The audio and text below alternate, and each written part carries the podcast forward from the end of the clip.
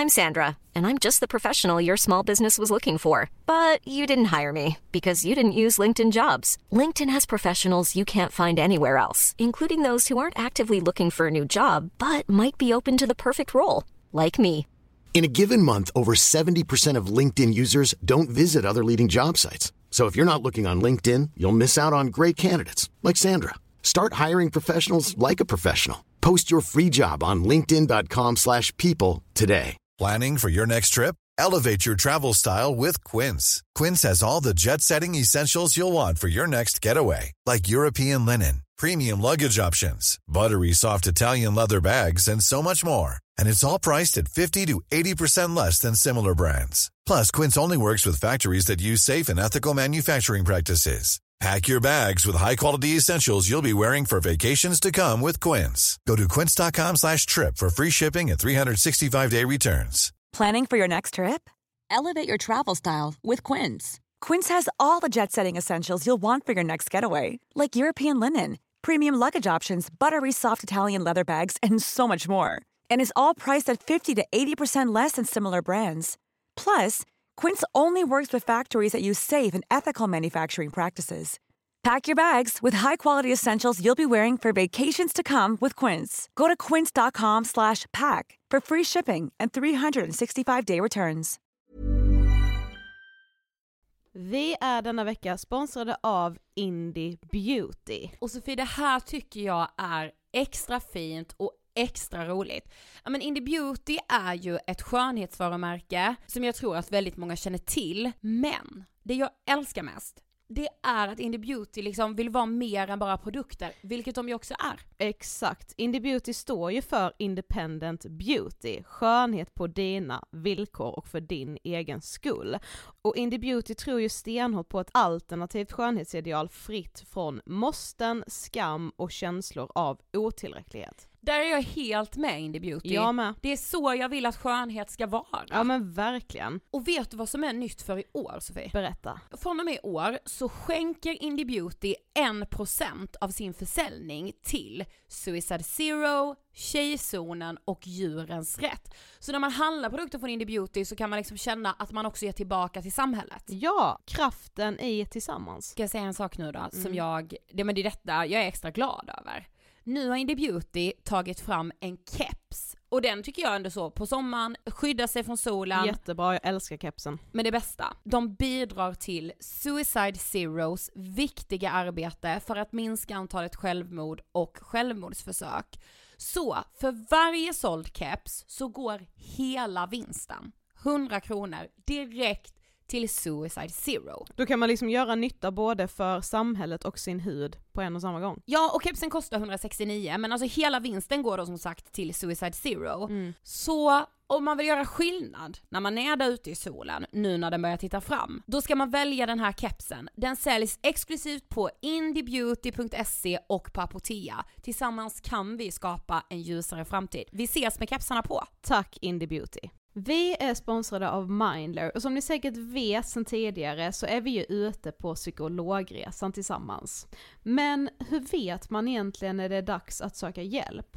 Ibland uppstår saker i livet som kommer utmana oss och kännas tufft.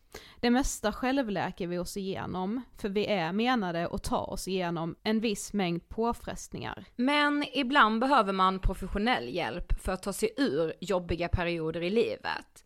Men vart går då gränsen? Vad är en del av livets skavighet och när är det läge att söka hjälp? Det sägs till exempel att stress är farligt, men att också kan vara bra. Alla sover dåligt ibland, så när har man egentligen sömnproblem? Ångesten kommer väl krypande för de flesta någon gång. Så när ska man se ångesten som outhärdlig? Hur vet jag?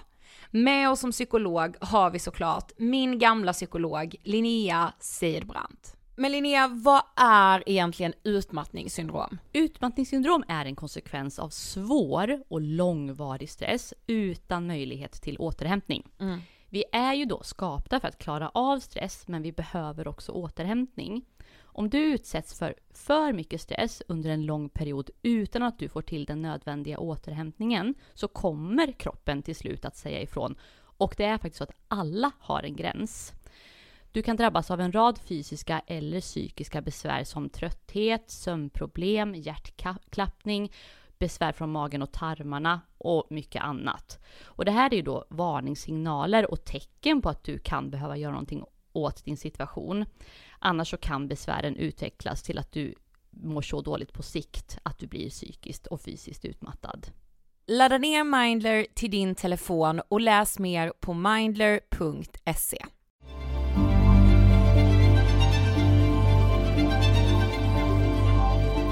Sekter.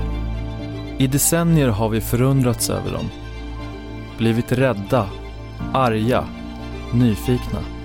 Januari 2004. Sverige skakas av dramat kring den lilla församlingen i Knutby utanför Uppsala. Där pastorn Helge Fossmo fick sin barnflicka att mörda hans hustru och skottskada ytterligare en församlingsmedlem. Hustrun sköts till döds med flera skott i huvudet och avled. Det andra offret överlevde men fick svåra skador. Sekten blir en annan värld. Jag menar, om du kan bli entusiastisk över en läderkula som flyger in i ett nätmål så kan jag bli entusiastisk över att Jesus Kristus uppstånden ifrån de döda. Halleluja! Vi har läst om massmord, övergrepp, Kristi brud. Ska Gud behöva sätta dig i rullstol för att du ska fatta vad livet är värt, tror jag. Jag menar, Gud sätter ingen i rullstol, men han kan tillåta straff. Men också om villkorslös kärlek och meningen med livet. The deprogrammers were making comparisons with Hitler and Moon. And I said, I don't care if Moon is like Hitler. I've chosen to follow him and I'll follow him to the end. Hur skapas en sekt? Vem går med? Och varför stannar man kvar? Du lyssnar på Ångestpoddens serie Vi måste prata om sekter. Hej på er! Varmt välkomna till avsnitt 307 av Ångestpodden. Och del två i vår serie Vi måste prata om sekter. Ja först vill jag bara alltså verkligen ödmjukast tacka för all fin respons från del 1. Yes. Eh, vi tror och hoppas att del 2 också ska, ja men att ni ska tycka att det är intressant, viktigt. Det och- kändes ju väldigt speciellt att spela in det här avsnittet. Jag har liksom längtat Gud. efter att få släppa det sen vi spelade in det och det var Gud ganska säger länge jag, sedan. det vet jag inte om man får säga i de här sammanhangen ens. Får, du får säga vad du vill men Men det kan bli fel. Så här är det ju att som ni ser så är vi idag, har vi åkt till Knutby utanför Yes. Uppsala. mm. Och för mig, ja men Sofie om detta liksom top of mind för dig, vad tänker du när du hör Knutby? Eh, jag tänker skvallerpressen. Nej men jag tänker verkligen eh, stora rubriker och extremt liksom, ja men jag tänker mycket på media. Mm. Ja jag håller nog med. Mm. Ja jag tänker att det är för filmiskt för att vara sant. Ja lite så. Just med liksom mord, Mm. barnflicka, Kristi brud, älskarinna, Mm. pastorer som blev sektledare, alltså En story som ju har allt på något Ja, sätt. Mm. och den här veckan så ska vi ju som sagt ha med oss en sektledare. det ska vi. Men först, vi är denna veckan sponsrade av Hemmakväll. Ja men som vi ju älskar så mycket att, eh, ja, Nej, orden men- räcker inte till. Nej men verkligen, alltså vi är bästa vänner med Hemmakväll. Det är vi. Och kanske speciellt nu när man har det extra mysigt, för nu har julen, alltså den har bosatt sig i hela lösvikten. Den har flyttat in på heltid känns det som. Ja och är det något man kommer ha nu i jul så är det ju hemmakvällar. Ja, Det är det enda jag kommer göra under hela julen. precis. Ja. Eh, får jag bjuda dig på en sak då kanske där på hemmakvällen när du har myst ner dig riktigt ordentligt? Ja, kanske det. Nämligen någonting som släpps idag om man lyssnar torsdag den 10 i 12. Mm. Twix pepparkaka. Oj oj oj. I lösvikten alltså. Alltså grejen är att jag har ju precis upptäckt den här kombinationen choklad och pepparkaka. Mm, jag har alltid mm. varit lite så, mm, vet inte riktigt om det passar liksom. Pepparkaka för sig gärna och choklad för sig Mm. jättegärna. Men ihop, alltså det är en sjukt bra kombo. Den är liksom bättre än vad den känns. Det är en sån kombo som känns fel men som är helrätt. Jag tycker både den känns och är helt Ja, nej jag liksom känns, känslan är nej men när jag väl stoppar i munnen så ja. Ja, jag fattar. ja. Men du, någonting som jag gillar med hemmakväll och julen, Mm. det är ju att man kan ge bort det som älskas. Ja, det finns ju också väldigt mycket färdigplockat. Om man går till en hemmakvällsbutik så finns det ju färdiga godispåsar i de här fina burkarna. Ja, det ja, finns ja, liksom massa olika julgodis som man kan ge bort till någon man tycker om, kanske skicka i dessa Ja. tider till någon som man brukar träffa under julen som man kanske inte kommer träffa denna julen. Och sen har jag liksom hackat hela systemet. Mhm. Jag kommer bli mest poppis i min familj. Mm. Nämligen till julklappsleken. Ja, Då köper man ju, alltså allt som man ska ha på julklappsleken, det köper man ju på hemmakväll. yes. Då kommer alla slåss om dina julklappar under det spelet. Ja men definitivt, Ja. och nej men alltså det är det smartaste. Hett tips alltså. Spring till hemmakväll, det är tryggt, det är mysigt, det är juligt. Tack hemmakväll. Vad säger du Sofie? Hur mycket bryr du dig om antalet följare du har på sociala medier? A mycket, B lite, C inte alls.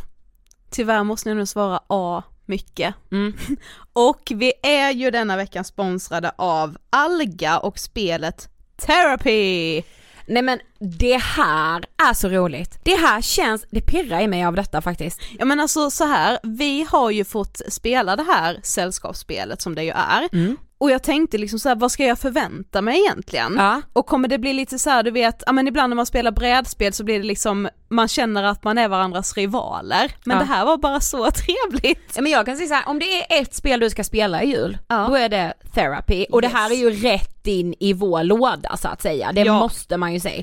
Det är liksom inte, man känner sig intelligent när man spelar det och det är lite så här feel good. Exakt, för det här är alltså ett spel som är gjort av två psykologer som syftar till att man liksom ska öppna upp diskussioner, prata om känslor, man ska lära känna både sig själv och sina medspelare. Men man kan ju också spela det med personer som man inte känner så väl, kanske för att man vill lära känna dem. Exakt det var det jag tänkte, för under spelets gång så får man liksom svara på frågor om olika faser i livet, besöka coachen, gå i terapi, hjälpa en medmänniska, alltså det är väldigt så utvecklande saker man gör. Men det känns ju också väldigt nutid, du vet man pratar mycket mer om psykisk ohälsa idag än vad man har gjort tidigare, alltså det känns bara så aktuellt. Jag vet, men du vet vad som blev min eh, favoritgrej? Nej. Gruppterapi. Ja, det var ett spännande moment. Ja men du vet, för då var det så här att man både fick lära känna sig själv men även de andra som spelade. Mm. Jag tänker också så här att just nu i liksom hela coronakrisen och man inte kan göra så mycket annat än att typ vara hemma och umgås med liksom de närmsta man har i sitt liv, eh, då är ju just spelet något man kan börja ta upp lite igen. Jag, har, alltså jag kände så här när du och jag och vår bästa kompis Jossan spelade det här, jag har spelat för lite sällskapsspel Ja. i mitt liv, för det är så trevligt. Men jag kommer spela therapy hela julen. Jag kommer introducera det här för min familj och de kommer inte ha någonting att säga till om. Det de kommer bara... älska skiten. Ja det tror jag. Spelet kan du köpa på bland annat Akademibokhandeln och Spelexperten. Vad säger du Ida? Vilken spelare är bäst på att läsa dina tankar? Mm. Alltså även om vi hade varit 20 pass här nu hade jag ju sagt dig. Ja jag vet, det var därför jag ställde frågan. Tack snälla Alga. Vi har denna veckan ett betalt samarbete med fackförbundet Vision. Och som många av er vet så har vi ju jobbat tillsammans med Vision väldigt mycket och väldigt länge vilket, alltså jag tycker det är en stor trygghet. Verkligen jag också och det är så kul att vi får fortsätta lyfta de viktiga ämnen och rapporter som ju Vision genomför. Och just under denna perioden och det här året som ju har varit väldigt stökigt för många så är det ju väldigt viktigt att prata med de som är ute i arbetslivet och som behöver hjälp. Ja men just nu så är vi ju liksom i en pandemi, det har ju ingen missat jag är helt säker på. Nej. Och jag menar vi har ju hört Folkhälsomyndigheten säga nu att så här, att landets arbetsgivare ska möjliggöra distansarbete. Ja, att det är väldigt viktigt att- man jobbar hemifrån om man har möjlighet att göra detta.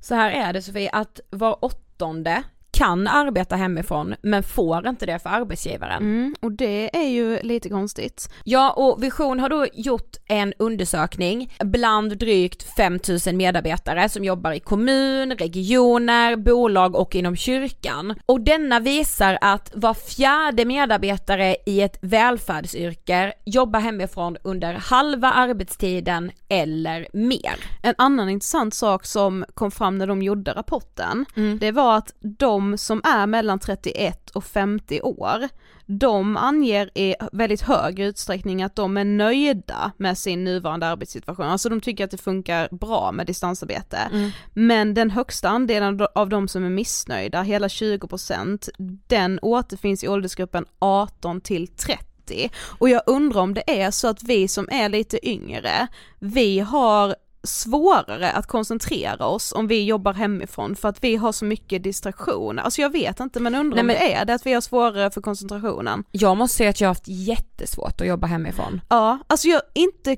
inte på att koncentrera mig men alltså det kreativa, jag blir ju Precis. helt, det känns som att jag blir helt förslappad liksom. Nej men jag har både och, alltså både koncentrationen, kreativiteten, Mm. men jag tänker du och jag är ju liksom varandras chefer på ett sätt, Mm. men jag hade känt mig väldigt otrygg, alltså om jag hade varit på en arbetsplats där det inte hade möjliggjorts distansarbete, jag förstår att det kan göra väldigt, väldigt många Mm. otrygga. Verkligen, jag också. Men nu är det ju så här att Vision ställer krav på arbetsgivare. Mm. Det är ju väldigt, väldigt bra. Bland annat att alla som kan måste ges möjlighet att arbeta hemifrån. Också att man ska ta tillvara de erfarenheterna som man får genom den här pandemin för att ställa om inför arbetslivet efter pandemin. Mm.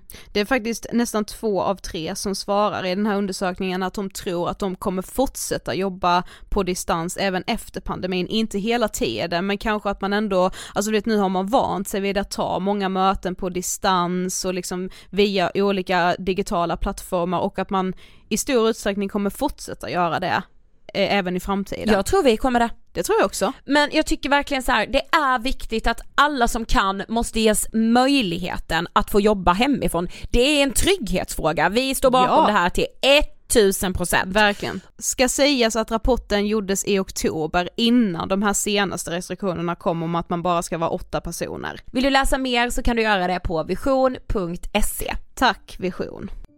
I den här andra delen av poddserien träffar vi Peter Genbeck. Det är lättare att svara på frågan vem jag var. Ja. Mm. Eh, och eh, vem jag var var ju, liksom, det jag blev var ju en sektledare. I en, eh, ja, jag vill nog kanske säga Sveriges mest kända sekt, Knutbysekten.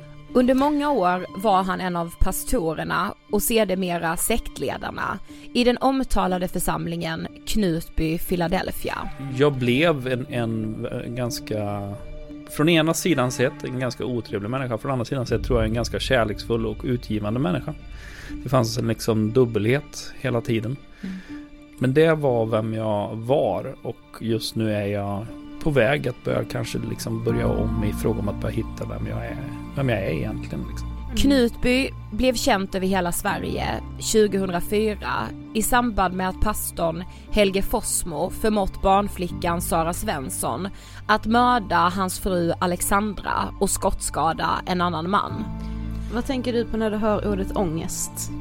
Djupaste mörker och någonting som skrämmer mig väldigt, väldigt mycket. Helga anklagades också för att ha mördat sin första fru några år tidigare. Detta fälldes han aldrig för. Genom media har det också funnits ett stort intresse för Knutby Philadelphias mest framstående kvinna, Åsa Waldau, mer känd som Kristi brud. Hon var stora syster till Alexandra som mördades av barnflickan. Peter, som vi har med oss idag, är dömd för misshandel och olaga tvång efter sin tid som pastor i Knutby. Du växte upp i Falköping. Mm, det stämmer. Hur, alltså hur, hur var din uppväxt? Hur ser du tillbaka på den? Alltså ser jag tillbaka på den så vill jag, den, det är ju väldigt otroligt ljusa minnen egentligen. Mm. Alltså mi- min uppväxt på mitt, i mitt liksom, det, det var så här idylliskt villakvarter på 70-talet med fullt med barn där vi, eh, ja, jag skulle nog vilja säga att det, jag vet inte om alla villakvarter på 70-talet var så här, men just mitt, mitt kvarter det var verkligen idylliskt och det var ett, alla liksom lekte med alla och det var, det var framförallt två lite några killar som var lite äldre än mig som hette Dennis och Fredrik. De drog ihop liksom hela barngänget på Ja. kvarteret sådär. Så vi hade brandkår på kvarteret och vi byggde kojor och, och lådbilar och nej, det var, var verkligen idylliskt så sätt. Sen, sen var ju min uppväxt så att Alltså som, jag tror att alla barn tänker väl någonstans att deras uppväxt är normal. Mm. Eh, så, att, så att det var ju min syn att min uppväxt är normal. Men jag kan ju se när jag ser tillbaka att, att det fanns ju ett inslag som var utifrån gängse norm eh, inte normalt. Och det var ju att jag var, var uppvuxen i en pingkyrka och var vad man då kallar pingstvän. Liksom. Mina föräldrar var med i pingkyrkan.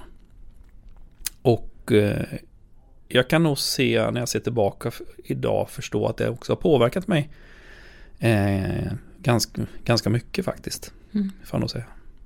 Men har du själv alltid varit troende? Ja, det har jag. Eh, jag kan inte tänka tillbaka något tillfälle där jag, jag inte har trott på Gud. Mm. Eh, det var också så här att det, det var fullständigt normalt för mig. Det var en självklarhet. Ja. Men sen kan jag se att jag kommer, det liksom funnits vissa punkter i livet som har varit liksom lite avgörande för mig. Jag, I boken så beskriver jag bland annat ett tillfälle när jag är 11 år gammal och är på ett barnläger. Ehm, och där jag har en, en, eh, en förbönstund där man ber för mig och jag har liksom en, en, en känslomässig upplevelse av Gud. Eh, inte kraftfull, inte särskilt eh, eh, anmärkningsvärd på något sätt. Men ändå så ett tillfälle som jag, jag fortfarande kan liksom gå tillbaka till och, och liksom eh, Ja, liksom, från den stunden så var min, så har jag någonstans alltså haft med mig Gud finns och Gud vill mig väl. Mm. Vilket kan låta otroligt märkligt att jag säger med tanke på vad min så kallade väg med Gud ledde till. Mm. Men, men, men det finns där någonstans ändå. Eh, tron på Guds godhet liksom. Mm. Mm. Alltså jag tänker mycket på, alltså just när du sa att du var en så kallad pingstvän. Att man liksom alltid har vetat så här, där, i alla fall vi kommer ju från en liten stad från Karlshamn, att man alltid har vetat så här, ja de är pingstvänner. Alltså jag tänker att det har liksom funnits med en, alltså även om jag inte är uppvuxen i en familj som är troende, så har man alltid vetat vilka som är det. Mm. Och så här, jag, egentligen när jag tänker efter, jag har liksom aldrig riktigt värderat det utan bara vetat att säga, ah, okej okay, de tror på Gud och ah, okej okay, de är pingstvänner. Men aldrig liksom vetat vad det är typ. Mm. Men, ja, nej, jag, jag, alltså det är ju lite skönt för, att höra det där. För jag, jag tror att, Ja. att jag, jag tror däremot att vi som var pingstvänner, vi värderar det på något sätt. Ja. För jag, jag, jag, jag, liksom, jag, jag kan minnas det när man tänker tillbaka, och alltså att det fanns en, liksom en pågående inte pågående diskussion, men då och då kom ju samtalet upp om man hade berättat att man var kristen i skolan. Liksom. Jag tror att, att liksom ska se det, alltså jag kände mig nog lite grann som en udda fågel. Sådär. Jag kommer ihåg, Mm. jag, jag gillar inte det här med disco eller eh, Ah. Jag, jag kände mig inte bekväm. Alltså, mina, min uppväxt fanns ju aldrig alkohol närvarande så man blev äldre och det här kom in i bilden. Jag kommer ihåg liksom när man fick jobb och sådär. Man skulle följa med på någon firmafest så var det någon slags liksom, liksom känslan av någon slags statement. Liksom att när ölen kommer fram så måste jag säga nej tack här. Och då Mm. kommer folk fråga okej dricker du inte? Och då, då ska frimodigt ställa, stå upp och säga nej jag är kristen. Och, och liksom, så att jag tror att Var vi... det ändå lite jobbigt då att säga att man, Ja, jag tror, ja, ja absolut. Det var, det var en, en, för mig tror jag, en jobbig del när jag, när jag, när jag framförallt när jag var yngre. mm. Sen är det ju så att när jag blev äldre, när jag kom upp i 20-årsåldern så blev det tvärtom. Då var jag ju sådär, som man då säger, brinnande kristen. Så jag skulle ju liksom ta varje tillfälle i akt och prata om min tro liksom. Så då var det ju liksom, då sökte man ju de där tillfällena. Mm. Eh, Men jag kan se nog det att jag, jag, jag liksom, jag, jag var inte riktigt, riktigt bekväm liksom. Mm. Men det jag menar, det, det är väl många barn som inte är bekväma i olika Ja, situationer. precis, Mm. ja. Så att det kanske inte är så, så udda så sett. Mm. Nej, man vill liksom bara passa in och så allt som sticker ut från normen Ja. så är det liksom obekvämt. Men, men liksom, när har du talat om Knutby första gången? Hur kommer det sig? Det är när jag, ehm, då är jag 19 år gammal. Och möter den här kvinnan då, Åsa Walla, hon som, som kallades för Kristi brud sen då. Mm. Och eh, det är, det är ju ett möte som är eh, väldigt speciellt för mig. För jag, jag, jag är då i en plats i livet där jag, där jag liksom är ganska vilsen. Ehm, jag hamnar på, alltså min gymnasietid så går jag en, en jag är utbildad ja, möbelsnickare kan man säga. Och hela den gymnasietiden så hamnar jag, liksom skolan jag går på, den ligger på en fabrik en mil utanför Falköping. Mm. Eh, vilket gör att vi är, det är jag och tre andra killar som går i min klass. Och det, that's it liksom. Sen finns ju liksom, sen när jag går tvåan då, då finns ju ettan där det är typ sex sju killar som går. Eh, och jag kommer ihåg den här känslan av att vi var ju där ute förutom att vi åkte in på liksom, kanske tre idrottsdagar på året. Och när man dök upp på de här idrottsdagarna så tittar folk liksom, vad är det här Ja, för är ufon? det? Liksom. och man liksom, okej, och vi var ju, jag, kommer, jag minns det, det så väl, det var en volleybollturnering och ehm, de tre andra i klassen sjukskrev sig. Så, jag, så, jag, så jag var själv liksom. Nej. Och eh, jag är inte särskilt duktig på idrott. Så att jag kommer ihåg att det var någon fordonsklass liksom som, ni får ta hand om den här killen. Jag kände mig så fruktansvärt dum den där dagen. Och jag kunde, bollen kom och jag missade och de skrek och liksom allt det där. Så att jag tror att det, det, det, det, det skapar hos mig ganska mycket vilsenhet liksom. Mm. Ja. Att jag, jag hamnar utanför den sociala världen i gymnasiet. Eh, och i det har jag kanske då varit uppvuxen som pingstvän så blev jag ju inte bättre av det här. Eh, sen hade jag kompisar som var, de var musiker, de var duktiga, de, de eh, hade några kompisar som hade varit med i kyrkan, som lämnar kyrkan och, och liksom, jag visste inte riktigt vart jag skulle vara eh, och ta vägen. Och då möter jag eh, Åsa. Eh, och hon presenterar tro för mig som, som blev liksom väldigt, väldigt eh, eh, förändrande. Hon beskriver Gud på ett sätt som för mig blev så här, eh, alltså för mig var tron vid det här tillfället, jag trodde på Gud, jag hade liksom döpt mig och var medlem i församlingen. Men mestadels så handlade det om moral och etikfrågor. Liksom. Mm. Det hon beskrev var ju en Gud som var liksom närvarande, som talar till dig, som kommer vägleda dig. Hon talar om under och tecken, hon talar om Ehm, alltså det, var en väldigt dynamisk, eh, spännande, karismatisk bild som jag fick här.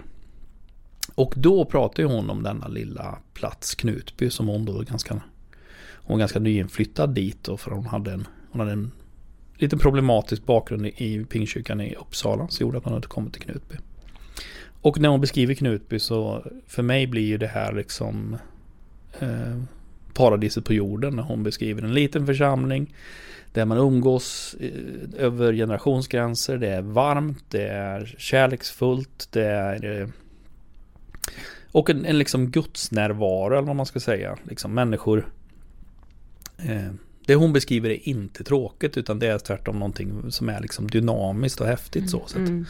eh, så det är första gången jag har hört talas om Låter också, som, nej men låter också som en plats som alla i den åldern vill till på Mm. något sätt. Man är ju ofta väldigt sökande liksom, hur gammal var du här, typ 20 någonting? Ja, 19 är Ja ju där. precis, Ja. man är ju väldigt så här, åh, liksom, ja men allt ska kännas sådär kärleksfullt Ja. och, och lätt. Man vill ju att allting ska vara lätt. Och alltså ja, Mm. bara Ja, och sen var det liksom där att jag, jag, jag kände ju liksom, jag var ingen höjdare i skolan. Eh, hade inga bra betyg. Mm. Och liksom det Åsa beskrev var ju att jag liksom hittade, hittade liksom både en gemenskap av känslan men också något slags syfte med livet. Mm. Liksom. Ja. Det, här, det här kan jag bli bra på, det här är något jag kan klara av. Mm. Eh, Så 1997 flyttade du till Knutby. ja. Vem skulle du säga att Åsa blev för dig? Eh, Åsa var ju... Eh, alltså innan jag flyttade till Knutby så hade hon varit i Falköping en hel del. Och Åsa var ju dels för mig den här ledaren, den här pastorn. Men också någon som på ett sätt var min liksom... Jag ska inte säga närmaste vän, för det var inte en vänskapsrelation, men min närmaste förtrogna på något sätt. Mm. En, en person som jag kände att jag kunde öppna upp sidor och prata om saker om som jag kunde, inte- inte kunde prata med någon annan om. Liksom. Eh, no, någon jag kände mig eh, otroligt trygg med. Som inte, inte eh, gjorde bort mig.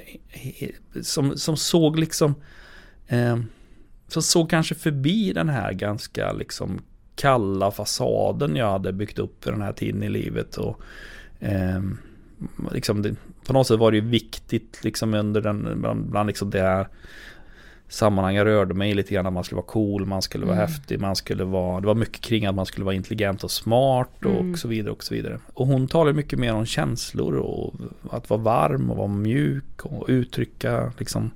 Så att eh, hon blev väldigt sp- speciell för mig, Mm. helt klart.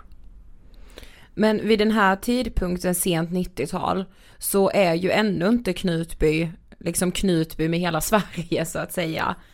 Men hur ser ert liksom liv ut i Knutby vid den här tidpunkten? Det, det är... Eh, hur ska jag beskriva det? Det är eh, nära. Är nog det ord jag skulle vilja sätta på det. Alltså vi, vi, vi, vi är ganska många unga personer. Alltså församlingen, det hände jättemycket i Knutby de här första åren. Eh, när jag kommer dit 97 så är det 45 medlemmar. Jag tror att runt 2000 så är vi närmare 100 medlemmar. Mm. Så det är en stor Ah. liksom rörelse, stor inflyttning. Eh, och det, det, det är en liksom pionjär eh, nybyggarmentalitet på något sätt. Ja. Det där ehm, Ja men liksom vi är unga människor som klarar oss på, på makaroner och ketchup. Vi, vi eh, drivs av liksom att vara ideella, att bygga något nytt, skapa en ny värld. Vi bor tillsammans i lägenheter. Eh, vi, vi hjälper varandra med allt möjligt och, och liksom eh, eh, praktiskt sett arbetar, umgås, eh, lever ihop liksom. Mm. Ja för det är många som flyttar till Knutby bara för att gå med i den här församlingen. Mm. Ja. Det, är- så är det. Det, det. det är en ganska eh, stor inflyttning. Och framförallt, framförallt unga människor, men också en del som är lite äldre än mig. Det kommer en del liksom barnfamiljer och så här som, som kommer till liksom. Mm. Men, eh, och, och också det man ska komma ihåg är att många, en del människor som kommer är ju trasiga på olika sätt. Och blir väldigt eh, förändrade, positivt sett. Så att liksom ehm, det är ju en, en spännande tid där mycket, alltså, så mycket positivt sker. Mm. Och det är också liksom hela den här, alltså Åsa var ju under den här tiden en idéspruta, vi- visionär och eh, för att använda de orden liksom som vi använde då den här tiden var att hon var bra på att få att tala tro till människor.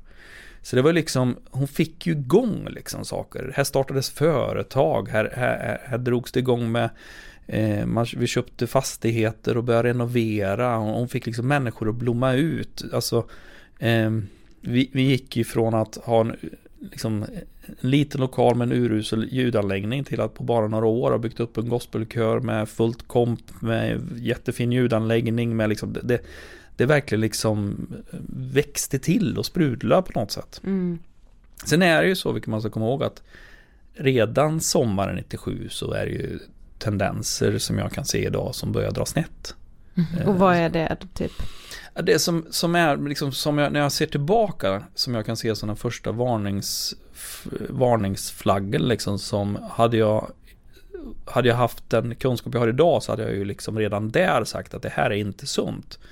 Och det är att eh, vi är ju ett, ett gäng, fem, fem, sex personer som tillhör ett, vi, då kallades det för teamet. Det var liksom en Mm. grupp människor som arbetar runt Åsa. Det som dels man borde liksom reagera på är att genomgående för de här är att alla är i princip tio år yngre än henne. Eh, så att vi, det är hon och sen så är vi unga människor. Och vad som händer där på sommaren är att hon stöter bort allihop. Och eh, förklarar att eh, ni är bara här av era egna skäl, ni är bara egoistiska, ni, ni bryr er bara om ert eget. Här har jag ställt upp för er och jag har hjälpt er till eh, massa saker. Och eh, det är bara det ni vill ha mig till. Och hon eh, vill inte ha med det här teamet att göra. Och det får bara den effekten. Då har jag ganska nyligen träffat eh, Emma som jag idag är gift med. Mm. Vi möter Åsa ute, vi är ute på en promenad eh, i lilla Knutby. Och när vi möter Åsa på vägen så väljer hon att gå över till andra sidan gatan.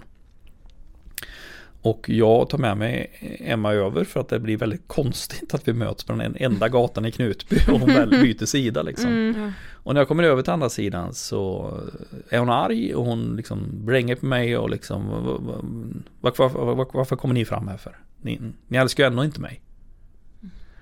Och eh, jag ser ju, alltså min tolkning är liksom att okej, okay, här är en väldigt sårad människa. Jag visste att hon har gått igenom massa tuffa saker bakom sig. Hon hade blivit sviken av personer. Hon hade ja, haft en tuff situation i Uppsala pingst och så vidare. Så jag ser ju någonstans att nej, men hon är sårad här och stöter därför bort människor.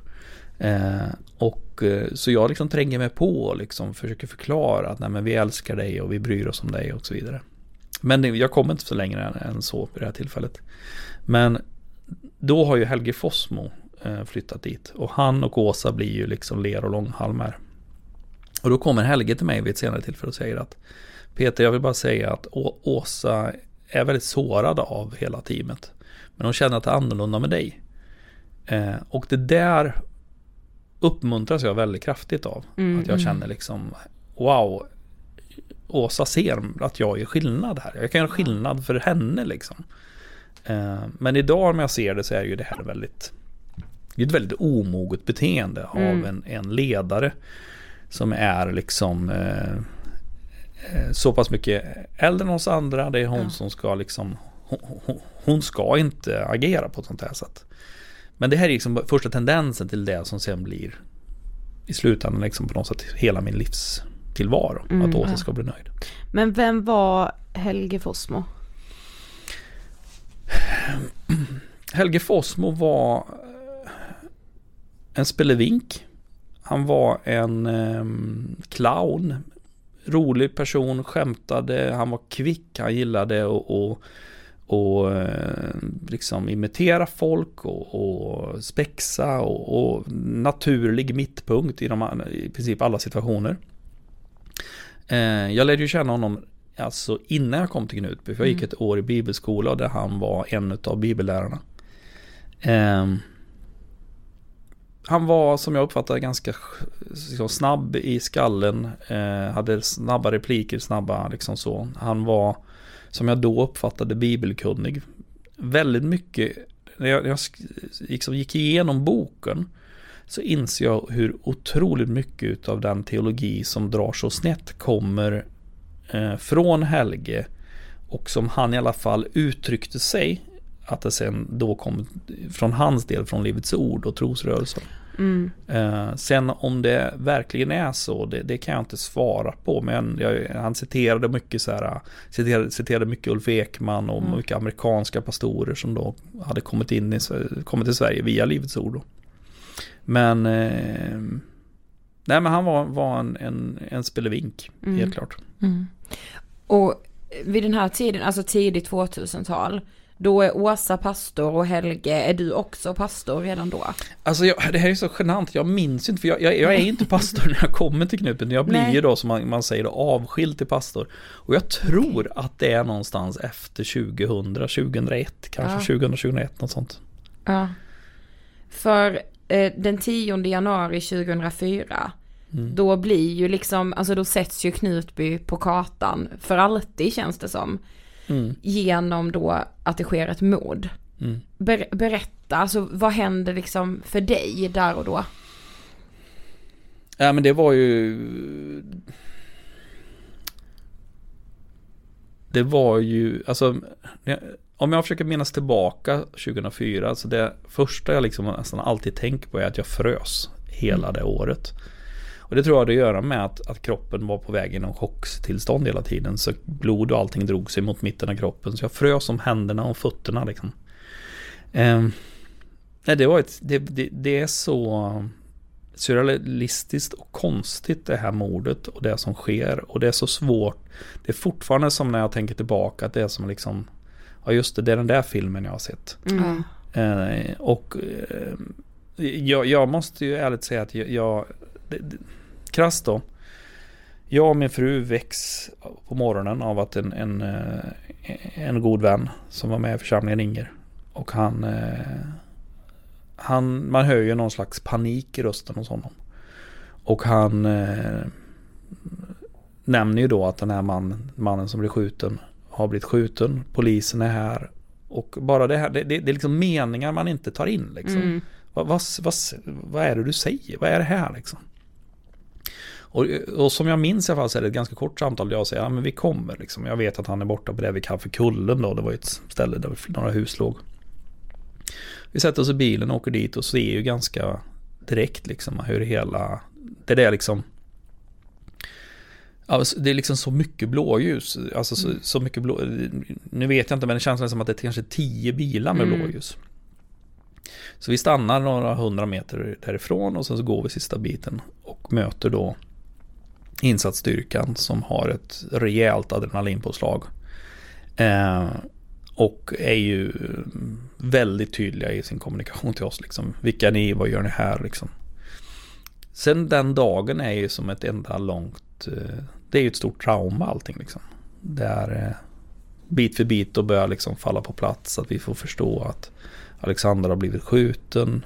Eh, vi förstår ganska snart att det kan vara så att hon inte lever längre. Eh, den här mannen som blivit skottskadad. Eh, och det man måste komma ihåg är också att 2004 har ju eh, föregåtts av egentligen fyra ganska traumatiska år. I och med att Helges första fru då, Helene, eh, dör ju eh, 99. Men som många med mig tror att hon blev mördad 99. Mm. Ehm, och det har också varit ett antal då otroligt konstiga, märkliga saker, andliga strider och allt möjligt märkligt som har hänt. Så, att vi, så vi är ju ett ganska konstigt, ganska konstig grupp här 2004. Mm. Ehm,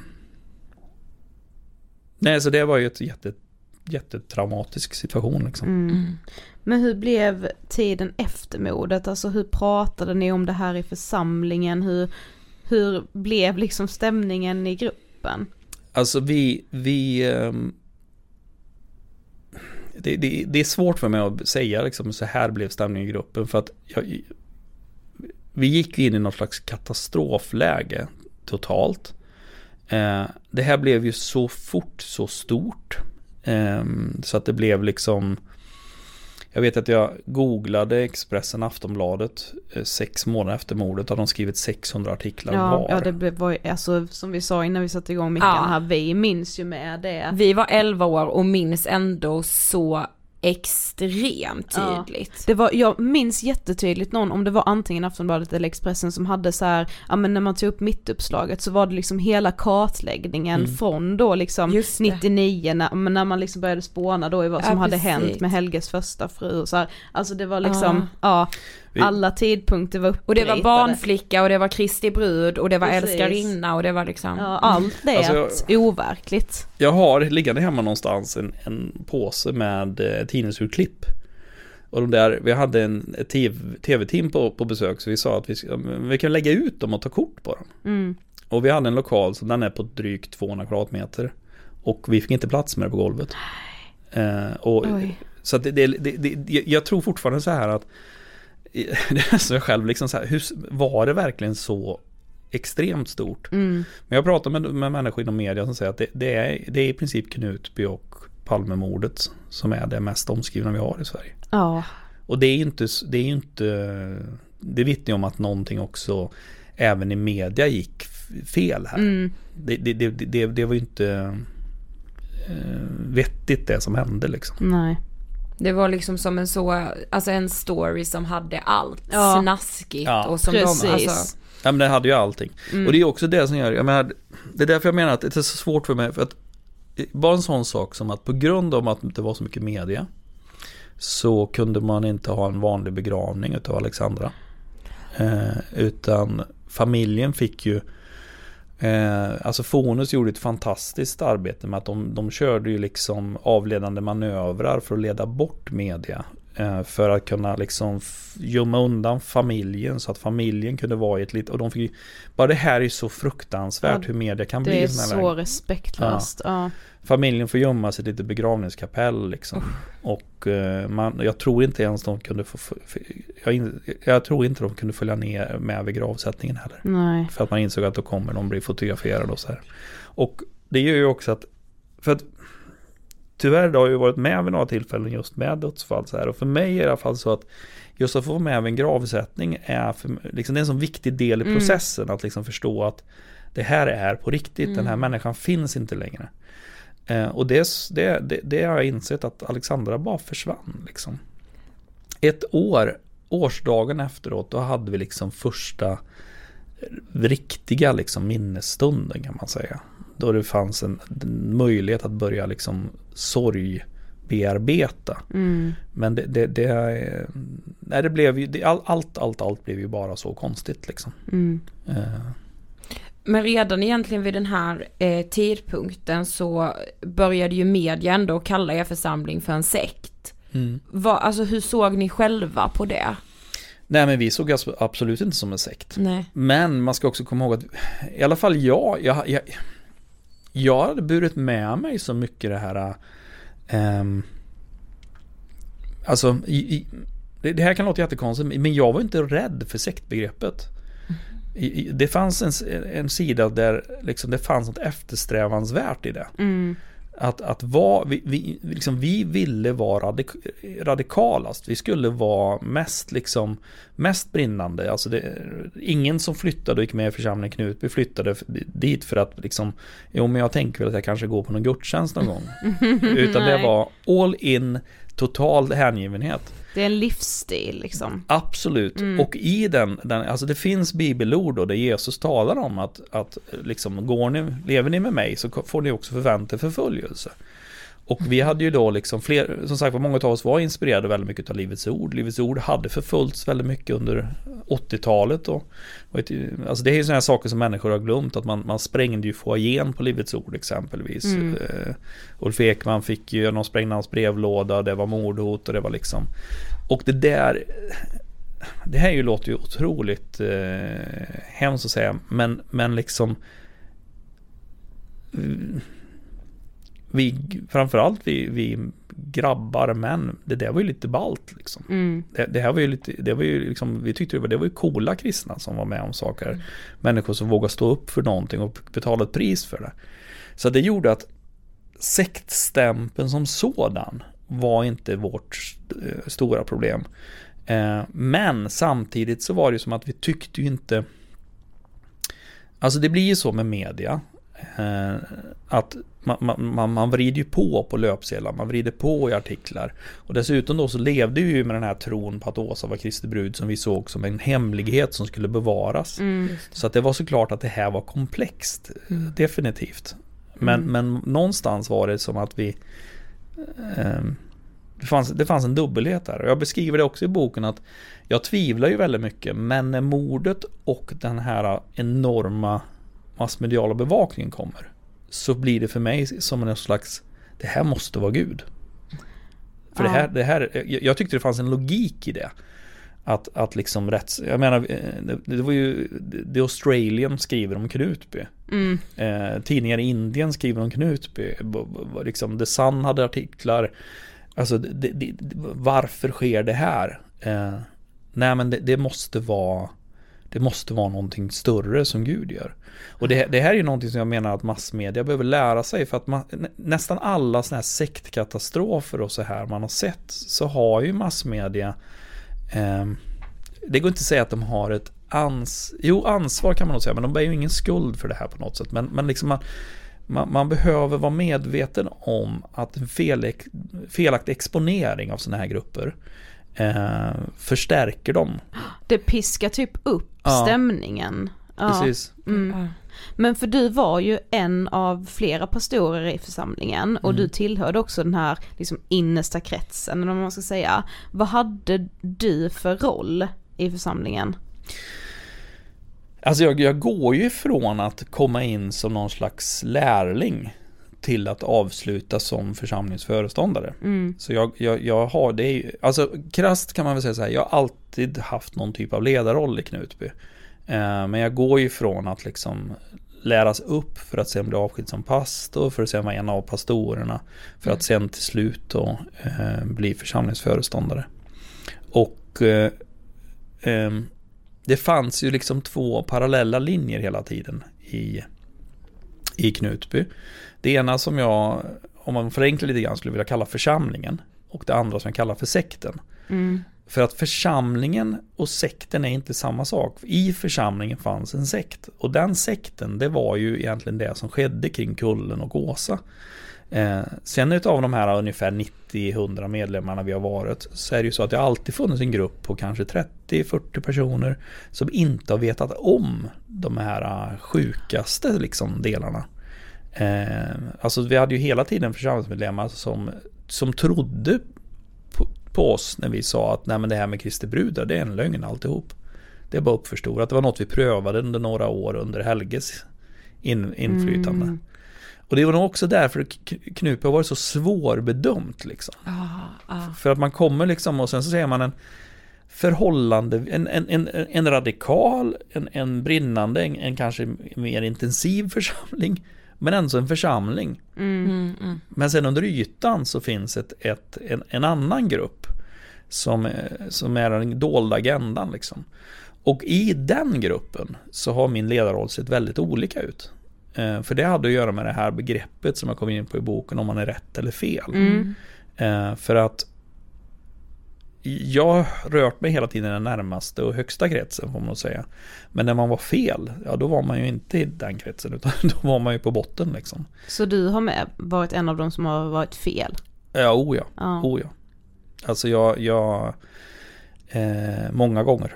Jag har varit utkörd, varit utkastad. Jag har ju själv blivit misshandlad. Mm. Jag, jag, eh, så att jag, jag, jag, och det är ju egentligen så att ehm, det är egentligen, det var egentligen bara en person som, som i alla fall tydligt för oss andra inte fick vara fel. Och det är ju eh, Åsas dåvarande man. Mm. Sen är det så att på grund av att han hamnade under den här andra pastorn Urban så blir ju även han fel sen. Och det är ju det som gör det lite grann, jag tror att han också vaknar upp inför att det, vad är det här och är det här sunt det vi håller på med? Mm. Så att ja, jag, jag har ju erfarit bägge sidor utav det. Mm, du kommer in på det här med rätt och fel Mm. lite senare. Ja. Men just, alltså man förstår ju att, så här, att Åsa är en väldigt stark ledare och du beskriver också i boken att alltså, folk är rädda för henne. Men ändå vill man bara att hon ska tycka om det. Alltså liksom berätta. Finns hela tiden som en liksom rädsla kring henne. Det finns, rädsla är kanske fel ord. Eh, man kan, jag skulle kanske snarare säga en anspänning. Eh, alltså hon, hon har en... ehm, alltså hon är sån som person att liksom när hon spänner ögonen i dig så märker du att liksom det finns, det finns något där liksom som gör att du känner som att hon ser igenom en. Så det, det är liksom ett både och. Att å ena sidan finns känslan av att det finns ingen som älskar mig så mycket som Åsa. Samtidigt finns, och, och i vår teologi så hängde ju också det här ihop, att just för att hon älskar mig mest av alla så är det också hon som kan vara tuffast emot mig i tillrättavisningar. Mm, mm. Eller i, i liksom tough love-idén om man säger så. Mm. Eh, och det gjorde att, att eh, ibland var det en rädsla. Men oftast så var det mest en anspänning liksom. Vad kommer nu? Vad händer nu?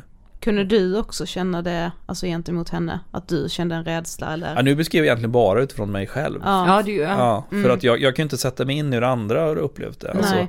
och och det, det är också en vi, Det kommer ju fler böcker om Knutby nu. Mm. Eh, och, och det finns en viktig bit tror jag att komma ihåg att ehm, jag, det här behöver förstås rätt det jag säger nu. Jag, skri, jag har ju inte skrivit sanningen. Nej. Jag har skrivit precis. min sanning. Ja, mm. Vilket är så viktigt att komma ihåg. Mm. För att det finns ju andra personer som har bara upplevt Åsa som bara underbar, bara varm, mjuk, den mest Hiring for your small business? If you're not looking for professionals on LinkedIn, you're looking in the wrong place. That's like looking for your car keys in a fish tank.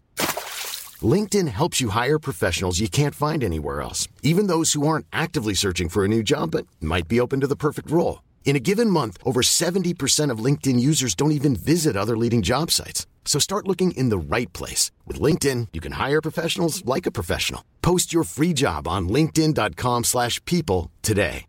Cool fact a crocodile can't stick out its tongue. Also, you can get health insurance for a month or just under a year in some states. United Healthcare short term insurance plans, underwritten by Golden Rule Insurance Company, offer flexible, budget friendly coverage for you. Learn more at uh1.com.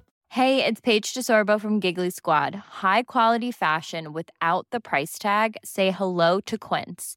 I'm snagging high end essentials like cozy cashmere sweaters, sleek leather jackets, fine jewelry, and so much more. With Quince being 50 to 80% less than similar brands. And they partner with factories that prioritize safe, ethical, and responsible manufacturing. I love that. Luxury quality within reach. Go to quince.com slash style to get free shipping and 365 day returns on your next order.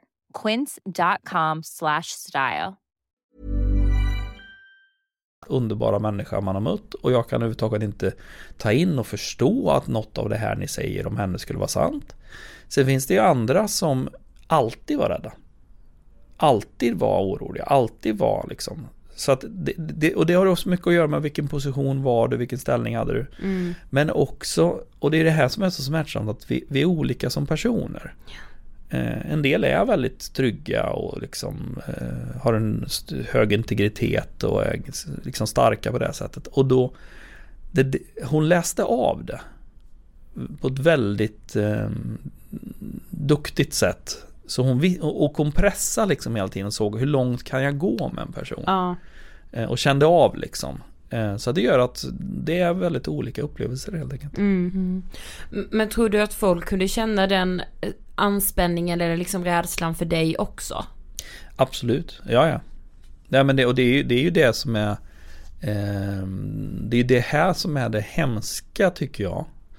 Alltså eh, Nej men jag, jag, jag har ju förstått, alltså jag, jag, det, redan liksom när haveriet kom då 2016 så kunde vi ganska snabbt se att ja, jag kan förstå att den här och den här och den här personen har har, upp, har jag varit tuff på, jag har varit mm. hård på den, jag, har, jag förstår att de har varit rädda för mig.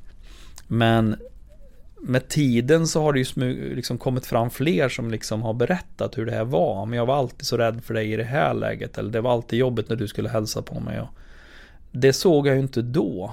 Um, och det är ju, det är ju liksom smärtsam sak att ta in liksom.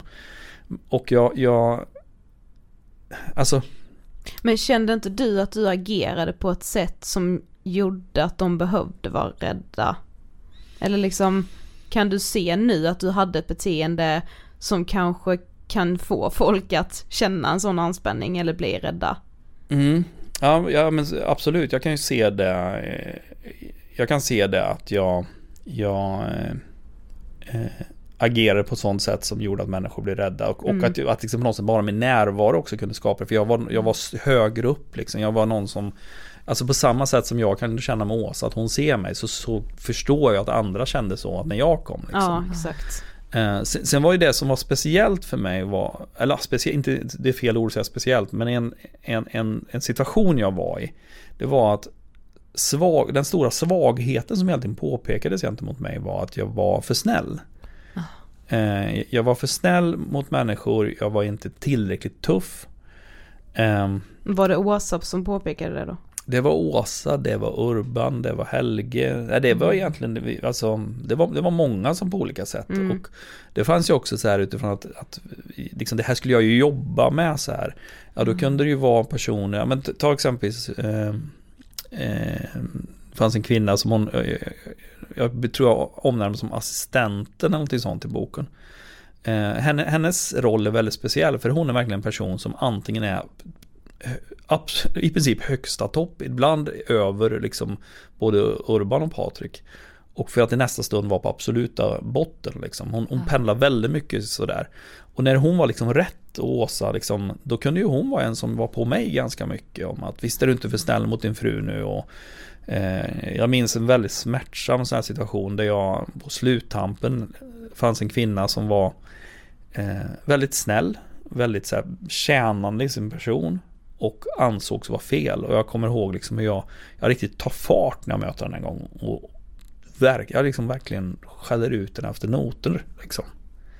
Och ja, det kan jag förstå, det, det var ju, måste varit jätte, en fruktansvärd situation. Jag ber henne om förlåtelse för det och jag tror att det, det känns utrett idag.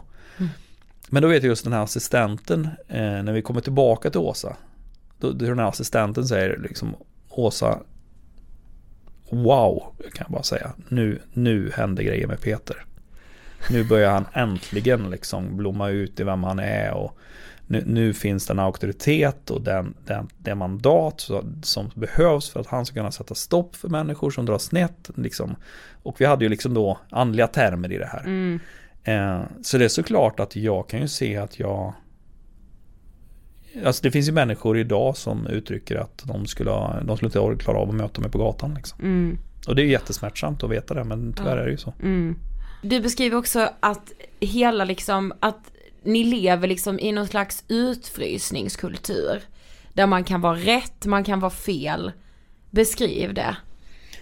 Alltså det är ju någonting som jag, jag har ju liksom gjort efterforskningar nu liksom, dels med boken och sådär och för att jag också nyfiket vill förstå att den här utvisningskulturen det är någonting som funnits kring Åsa långt tillbaka i tiden, långt innan Knutby. Det är den kritik hon får från Uppsala Pingst att hon har den här utvisningskulturen. Alltså hon, hon eh,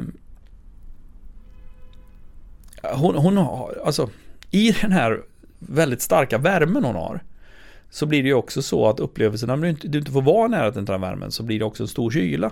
Mm. Och det där är ett verktyg som hon, jag tror hon omedvetet har lärt sig. Eh, att det är ett effektivt sätt att få människor eh, dit hon tänker att Gud vill att de ska vara. Eh, för det, för det, det är också en sån sak som jag i alla fall tänker att många tänker om Åsa som en, en uträknad manipulatör.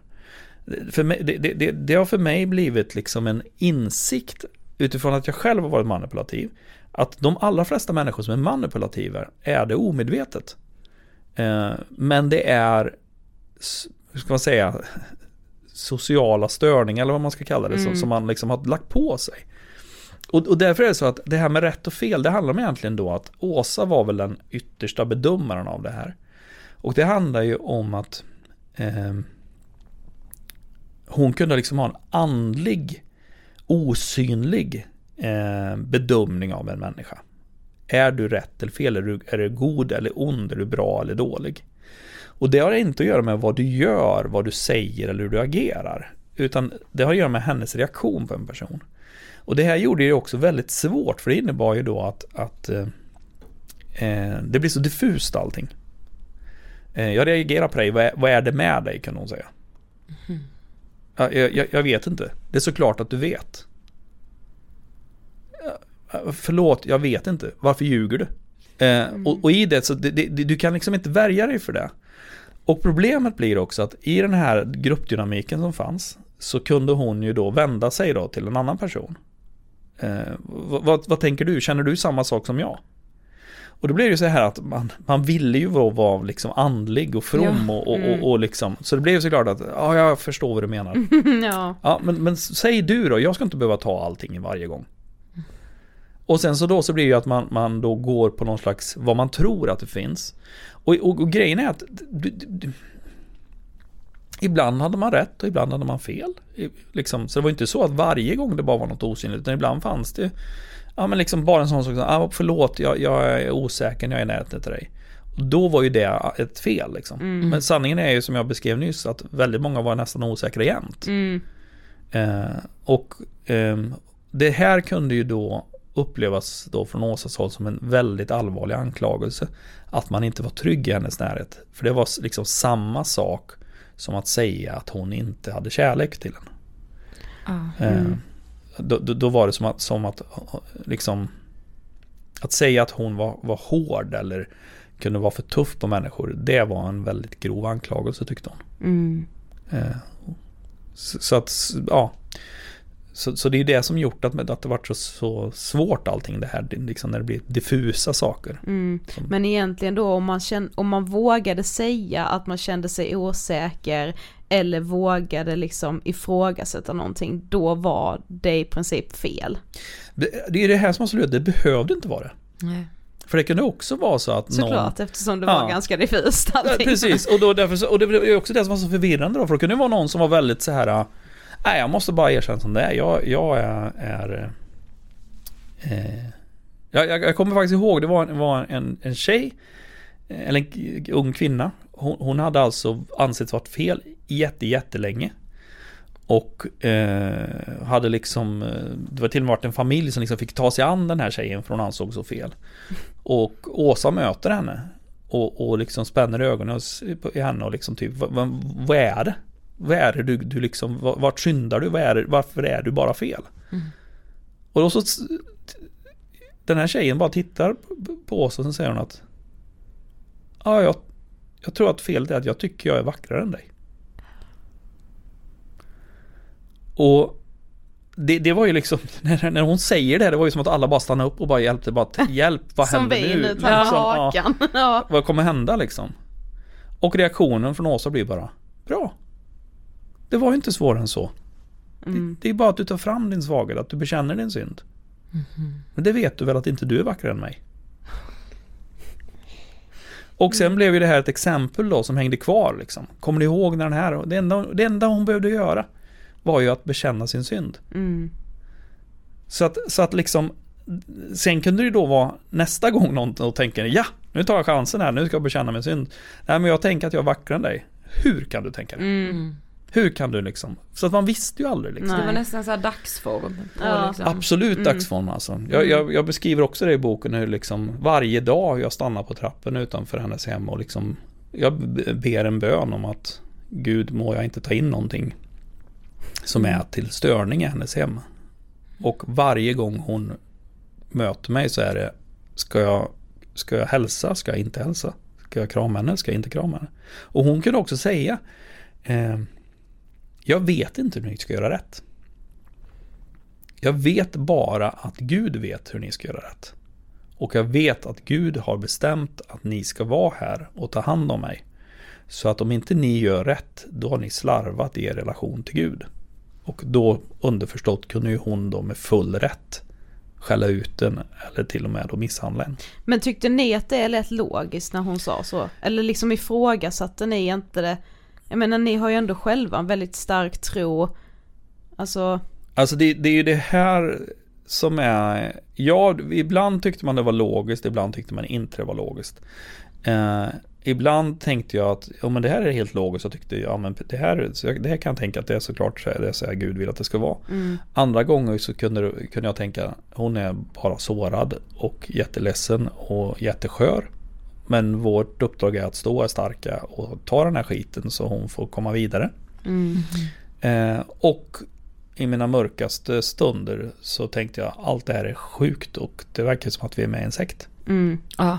Du hade ändå de tre olika liksom Ja, stadierna. och hade säkerligen kanske fler varianter också på, mm. på vägen där. Men absolut att det, det, var liksom, det fanns ju dagar och dagar. Ibland gick jag ju där liksom ifrån henne helt salig och bara kände wow, fatta jag får titta vid Kristi brudsbord och hon är ju den mest fantastiska, roliga, underbara människa och jag fattar inte någon på denna jord kan tycka det finns något konstigt med henne. Nej. Mm -hmm. Andra dagar gick vi därifrån och tänkte ja, nu skiter jag där. Mm. Nu drar jag.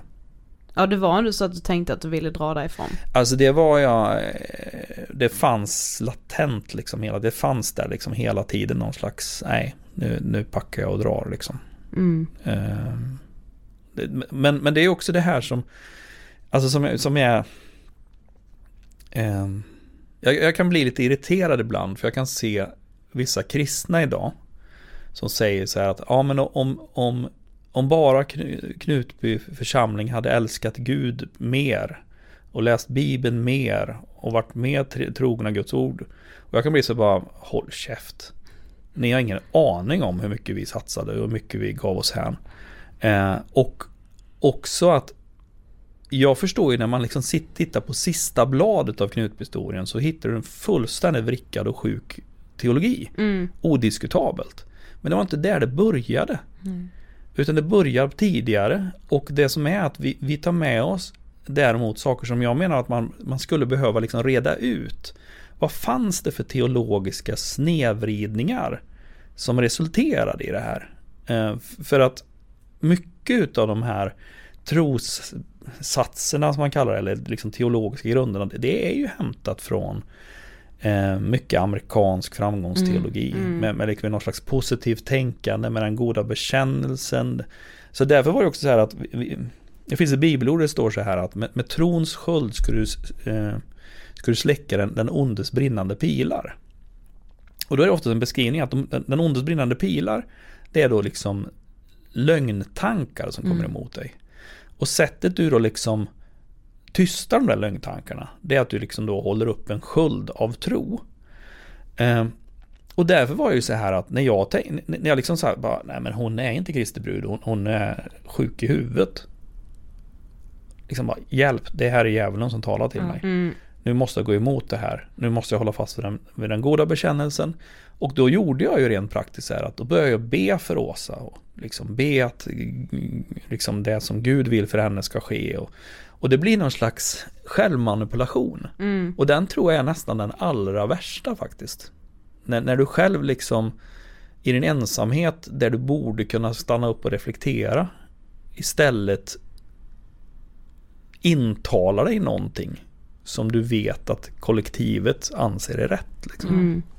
Ja, för det förekom ju också en hel del våld i församlingen, som du nämnde, du har misshandlat och blivit misshandlad.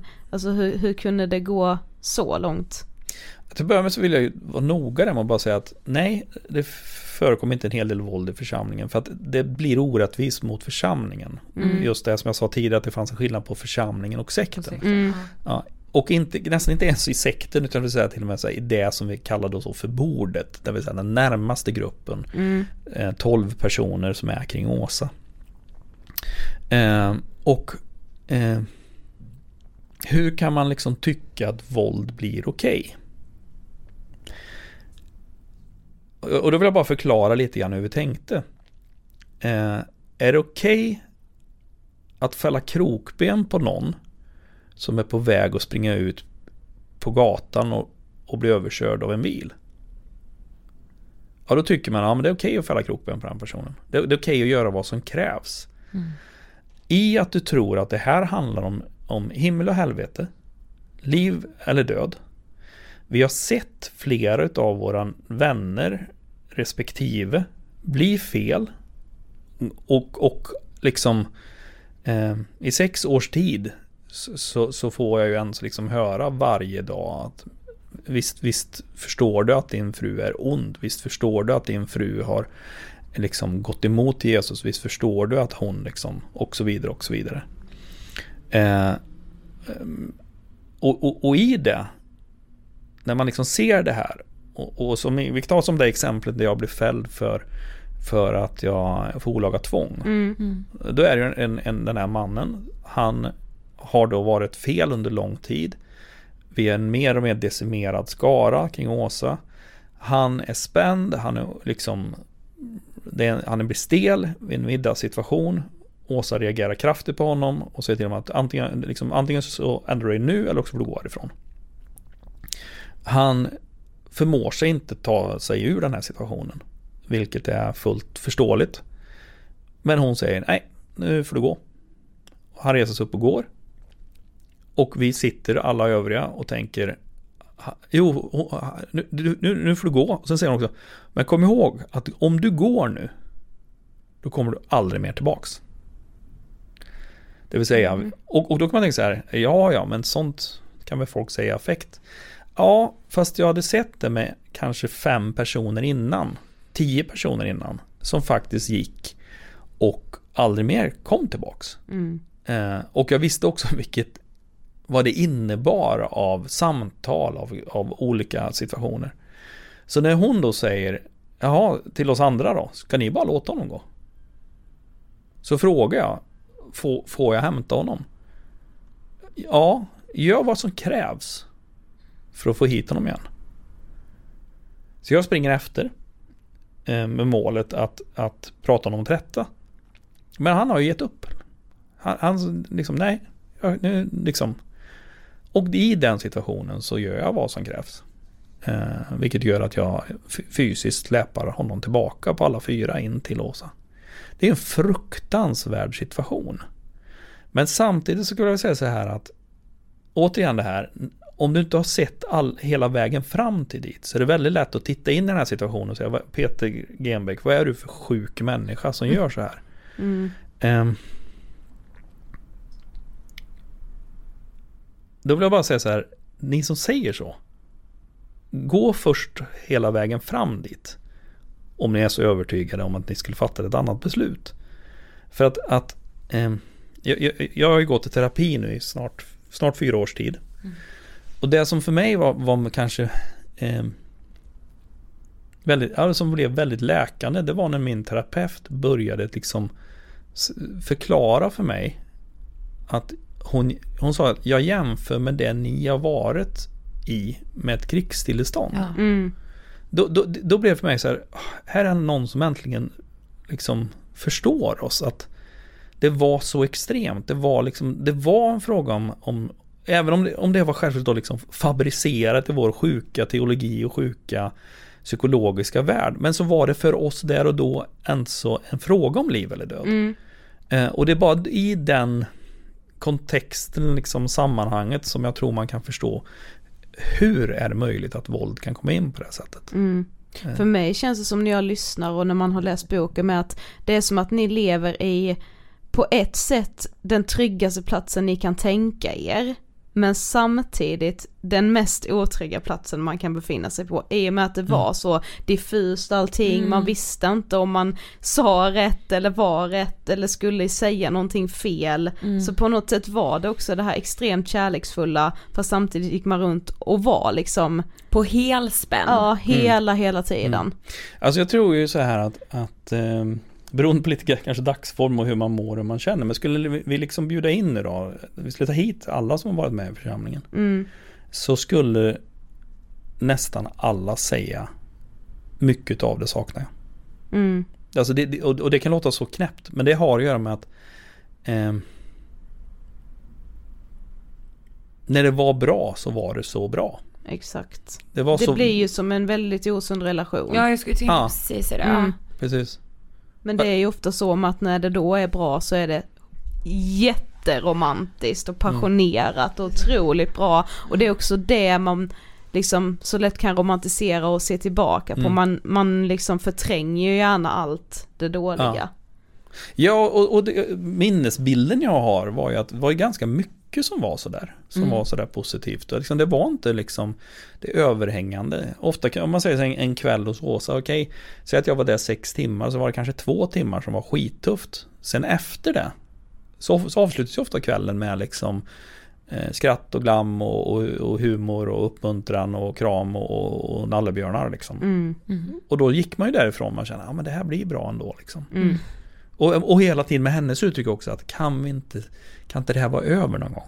Kan det Mm. inte ta slut någon gång? Kom, kom imorgon och var glada allihop. Jag vill ju bara umgås med er och ha roligt. Så att det, det hölls ju uppe liksom. Ja men Mm. det kommer bli bra, det kommer bli bra. Hoppet. Liksom. Hoppet liksom. Mm. Men, men du skriver med, som jag tyckte var intressant, att så här, Gud blev sträng och straffande. Alltså, Mm. vem var Gud för er? Alltså det är kanske en konstig fråga, men liksom... Ja, nej men det, det är en väldigt viktig fråga för att det är ju någonting som ehm, Tyvärr liksom så är det ju så att med och det får jag nog lägga på att det här finns inte i Åsas undervisning nämligen. Eh, Åsas undervisning är mycket mer eh, Alltså den kretsar mycket mer kring evangelierna, det vill säga Mhm. Jesu budskap om förlåtelse, upprättelse och kärlek.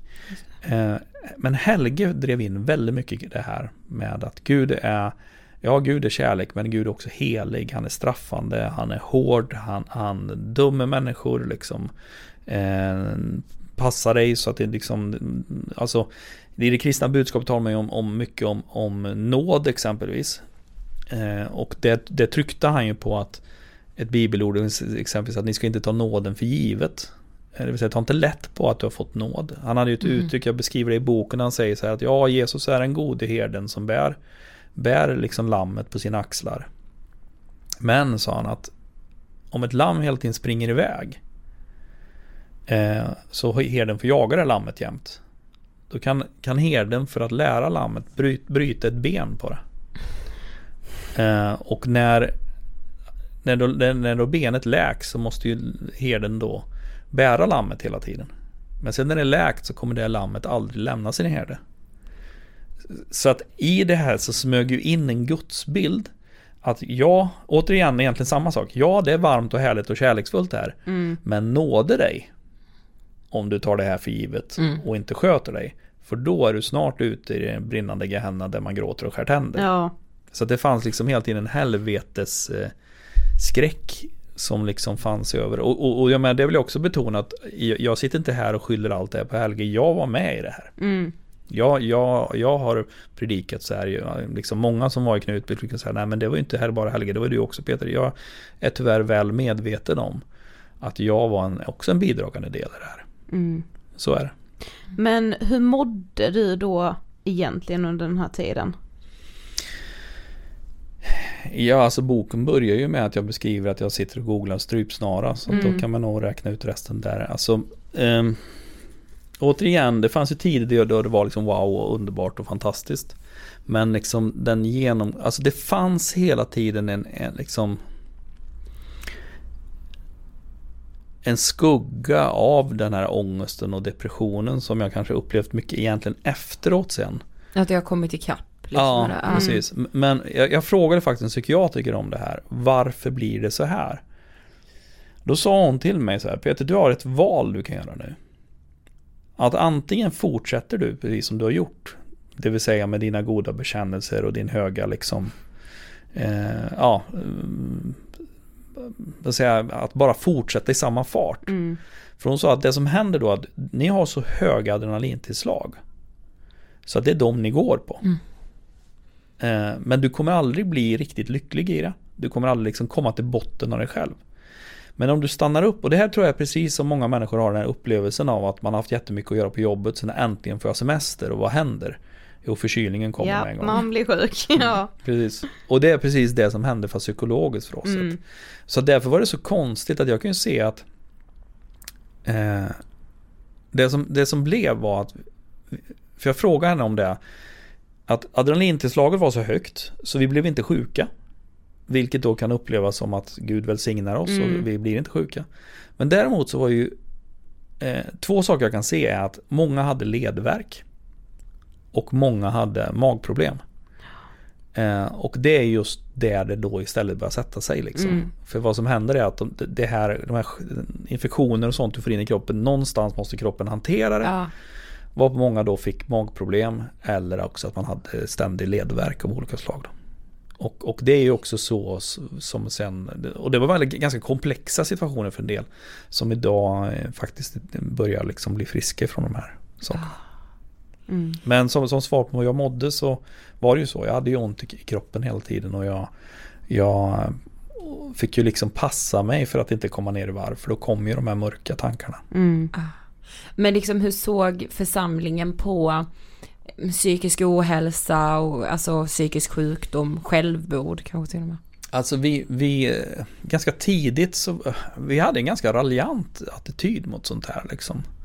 Eh, nu ska man komma ihåg att det också hänt jättemycket i samhället också. Ja. Eh, så att det, det, man ska inte lägga allt på Knutby men, Nej. men liksom eh, vi var väldigt så här diagnos, alltså vi, vi tyckte att du ska, eh, liksom i kristna termer, du ska ha din identitet i Kristus, du ska inte ha din identitet i en diagnos. Mm. Eh, alltså vi, vi var mycket i, det finns ett bibelord som säger att, att liksom den som är i Kristus är en ny skapelse, det gamla är förgånget, se det nya har kommit. Så att vi såg det som att ingen människa är en diagnos. Eh, och i det så blev vi ju liksom raljanta och eh, eh, skeptiska till sånt. Eh, men, men jag får nog ändå säga att med tiden så mognade vi nog också lite grann de här frågorna. Vi var nog mer så här liksom slutet 90-tal, Mm. ti- tidigt 2000-tal än vad vi var mot, slutet. Mm. Och det speglar ju egentligen alltså hela samhället. Ja, alltså, ja men jag tror mm. det. Liksom. Mm. Jag tror det. Nej men vi, bara en sån sak som vi var ju liksom väl, väldigt anti liksom hela hbtq-rörelsen. Mm.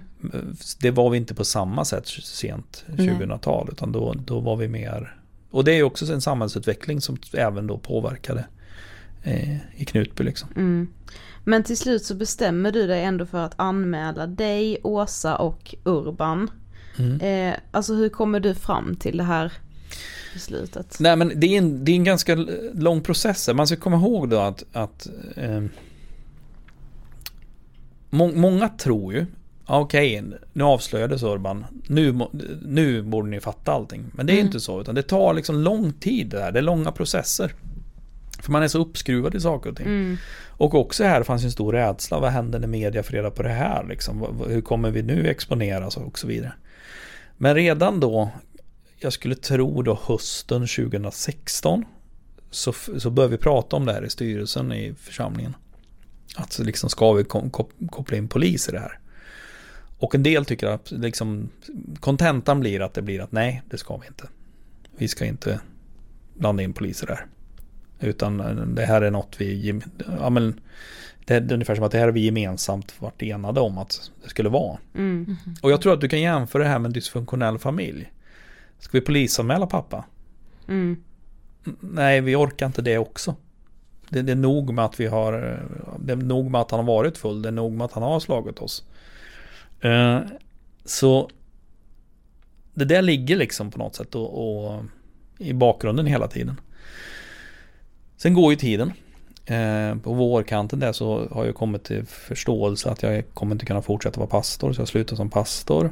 Eh, och jag blir sjukskriven. Jag är sjukskriven där en tid. Och, och det är någonstans där i slutet av sjukskrivningen som jag är ute och går i.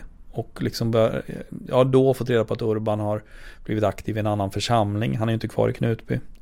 Det gick rykten om att Åsa hade fått ett jobb som personassistent. Och då kände jag så här att jag kan inte ta ansvar för det här. Jag, liksom, det här måste på något sätt eh, samhället ta över. Jag, jag kan inte veta de här sakerna och inte liksom. Så, jag, så det är inte så att jag ringer och så här.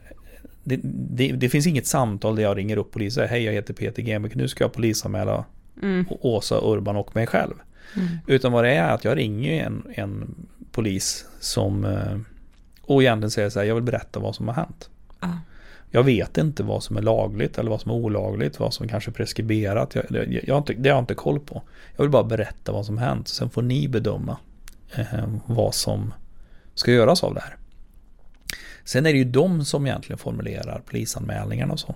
Och eh, jag visste egentligen inte, det är inte förrän åtal väcks som jag vis- visste om att jag var den första som, som hade anmält. Eller att jag, det, det, det, det är mig de tillskriver anmälan. För Mm. att jag tror att det varit fler inne och pratade med polisen och så.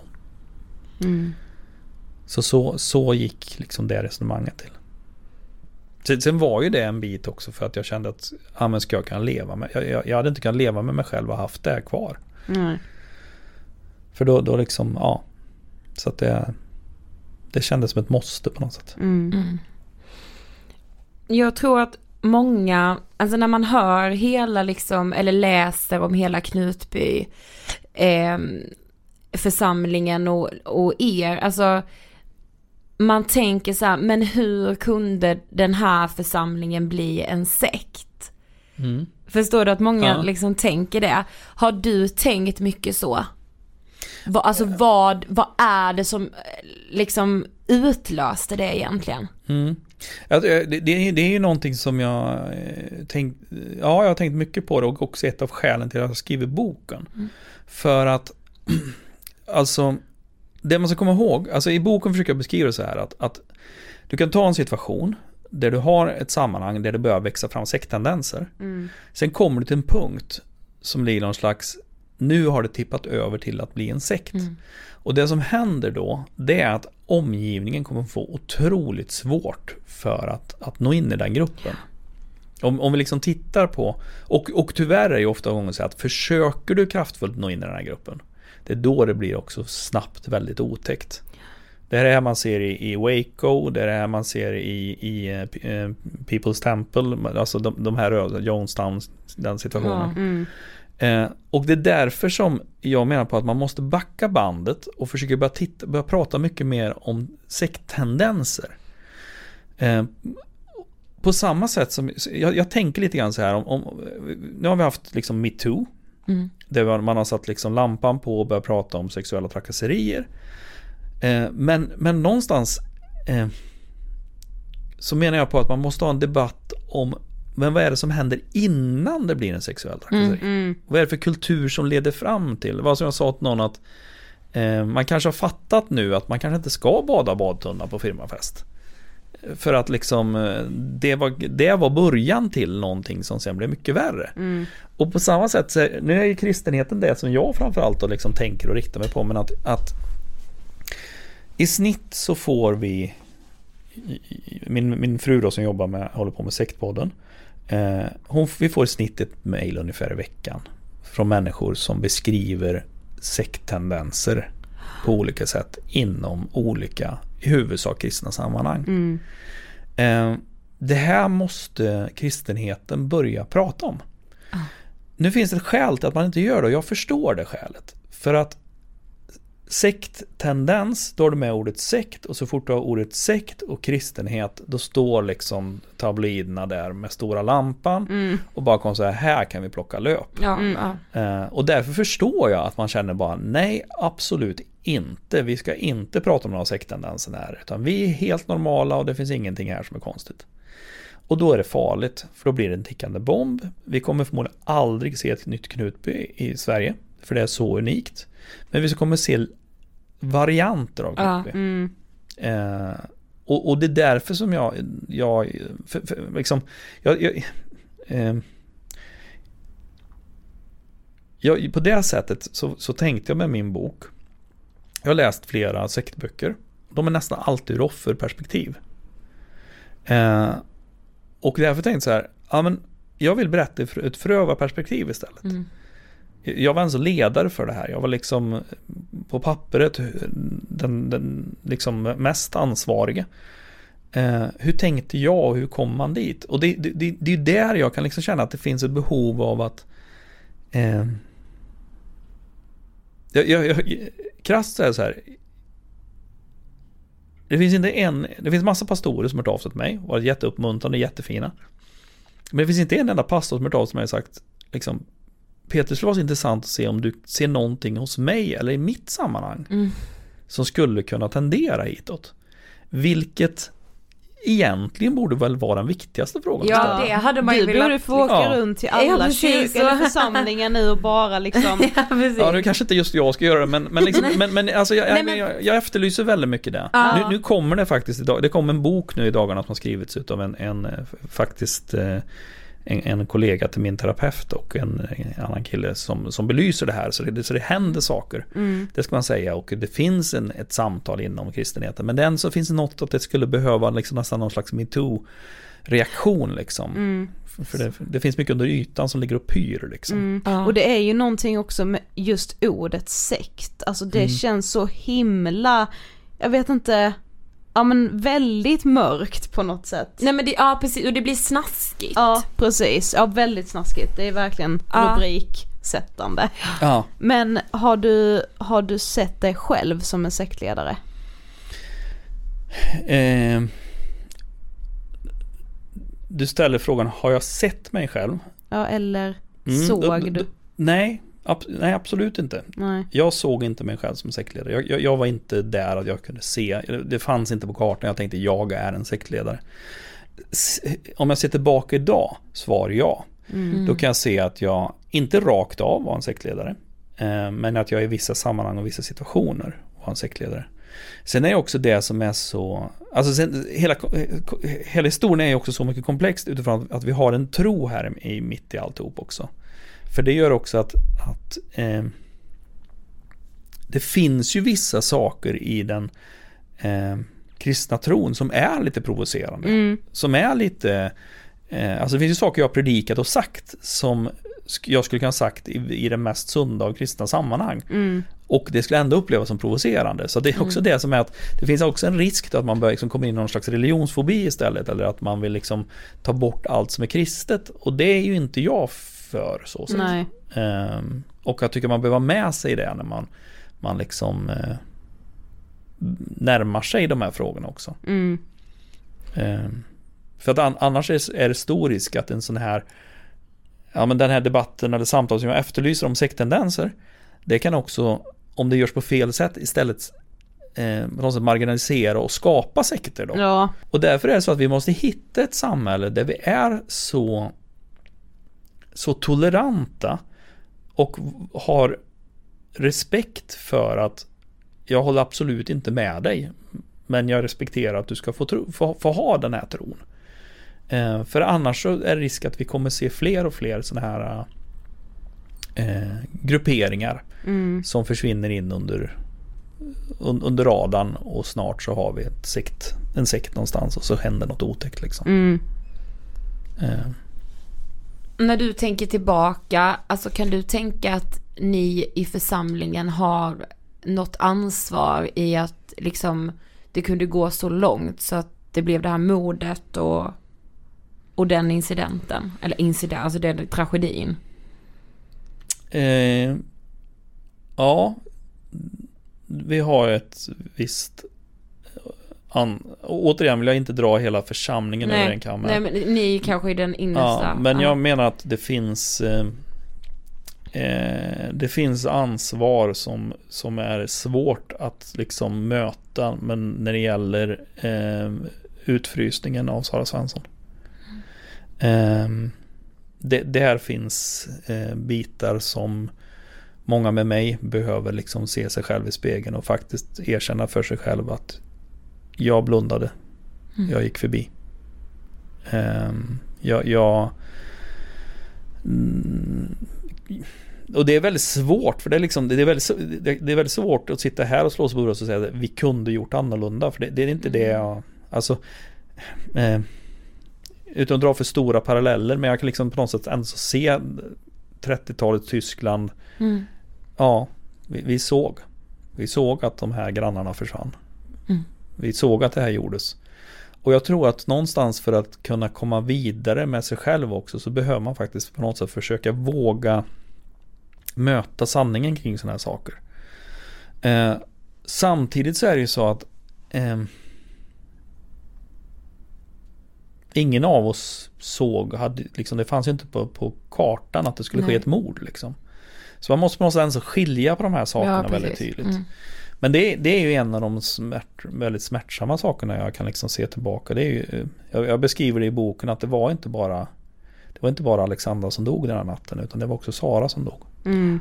Eh, och det, där finns ju en bit som är eh, Jag tycker det är väldigt, väldigt hemskt hur hennes Hennes situation. Jag, menar, jag, jag sitter idag och får på något sätt hantera att jag blev en sektledare och, och liksom människors syn på mig och att man vissa liksom tittar snett på mig och vissa tycker att jag borde skämmas och dra mig undan och allt sådär. Men jag har ju ändå inte en närhet av det som Sara har fått gå igenom. Nej. Men har du, alltså, har du förlåtit dig själv? Hur, när vet man att man har gjort det? Det var en bra fråga. Nej, för att jag, jag, jag, jag menar så här, Expressen felciterade mig tyckte jag en gång, för jag försökte förklara att, att jag kan ju inte säga att jag har tagit in helheten av vad jag har gjort. Liksom, jag, jag kommer möta jag har liksom på något sätt ställt in mig på att så här, mitt liv kommer tyvärr se ut så här. Eh, att jag kommer sitta om tio år. Där någon, någon 30-åring söker upp mig och säger du, nu, nu vill jag säga att hur vidrigt det här var det du sa när jag var 15. Mm. Okej, då får jag liksom ehm, möta det och på något sätt tugga mig igenom det eller hantera det på något sätt. Ehm, och det, det, det är ju inte bara en dans på rosor att, vara i den situationen. Och den kan kännas bitvis, det ska jag inte sticka under med, men ibland känns det otroligt orättvist. Liksom jag, jag valde inte att bli sektledare men jag blev Men jag, jag blev det ändå liksom. Eh, Så därför så, så det, jag tycker det är Det är en svår fråga att svara på. Har jag förlåtit mig själv? Ehm. Ja, jag vet inte. Mm. Men om någon lyssnar på det här nu och känner kanske oro över någon man känner som man misstänker lever liksom under sektliknande former. Vad vill du säga då? Alltså fanns det något som någon hade kunnat säga för att få er att tänka annorlunda eller ta Eller ett nå steg in, tillbaka? tänker ja, jag, nå liksom. in. Alltså, ja, eh, absolut. Det, det, det, finns mycket man kan göra. Eh, det, man ska komma ihåg att det fanns ju en pastor under alla, alla år som tyvärr inte lever längre. Han heter, han heter Josef Östby. Han, han kom till oss 2004 liksom när, när det var alla liksom fördömde oss. Och då kommer jag ihåg han, han, han Hans uttryck var jag, jag, kommer med ett hjärta som söker ett hjärta. Mm. Och han Han har nog varit skeptisk och han har nog tyckt saker varit konstigt. Men han har under alla år kommit lite då och då. Och liksom bara älskat oss.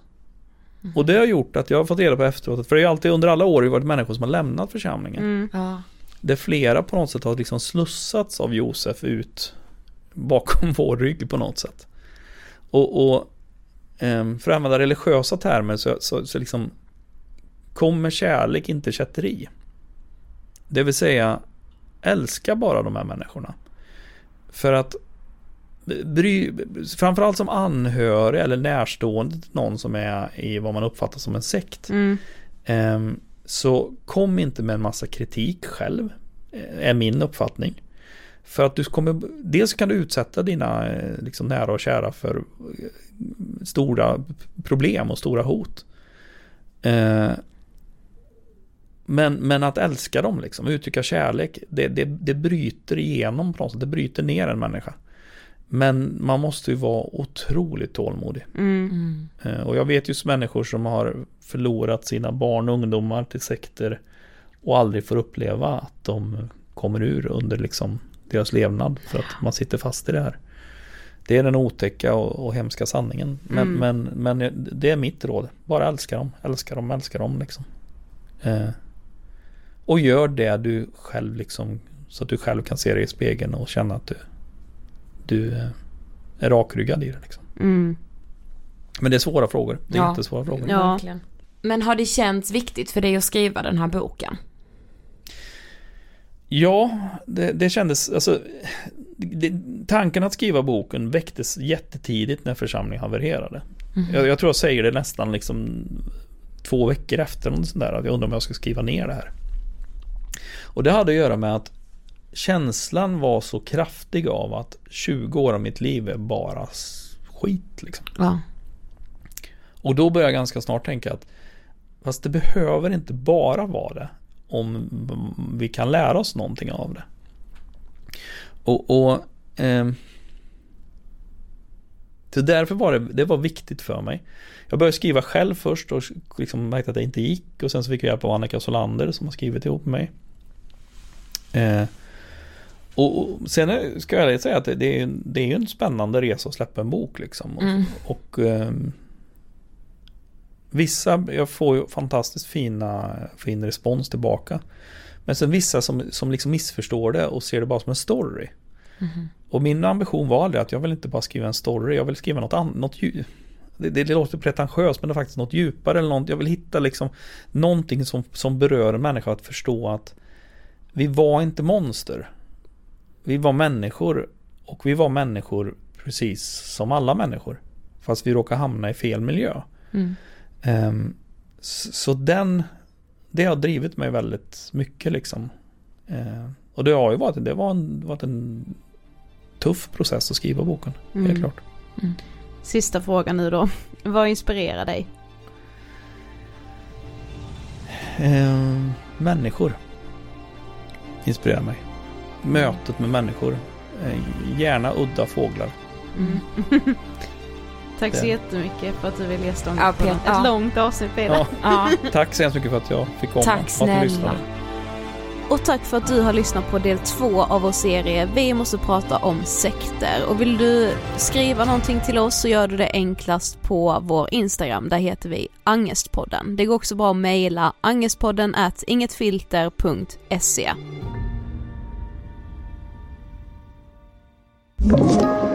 Podplay.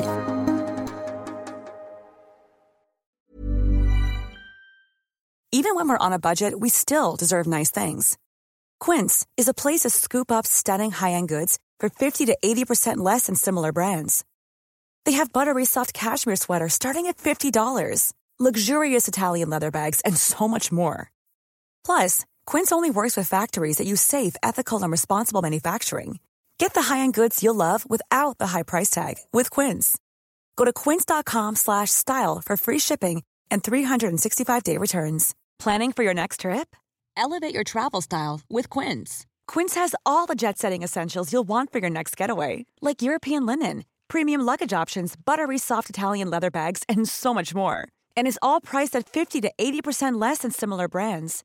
Plus, Quince only works with factories that use safe and ethical manufacturing practices.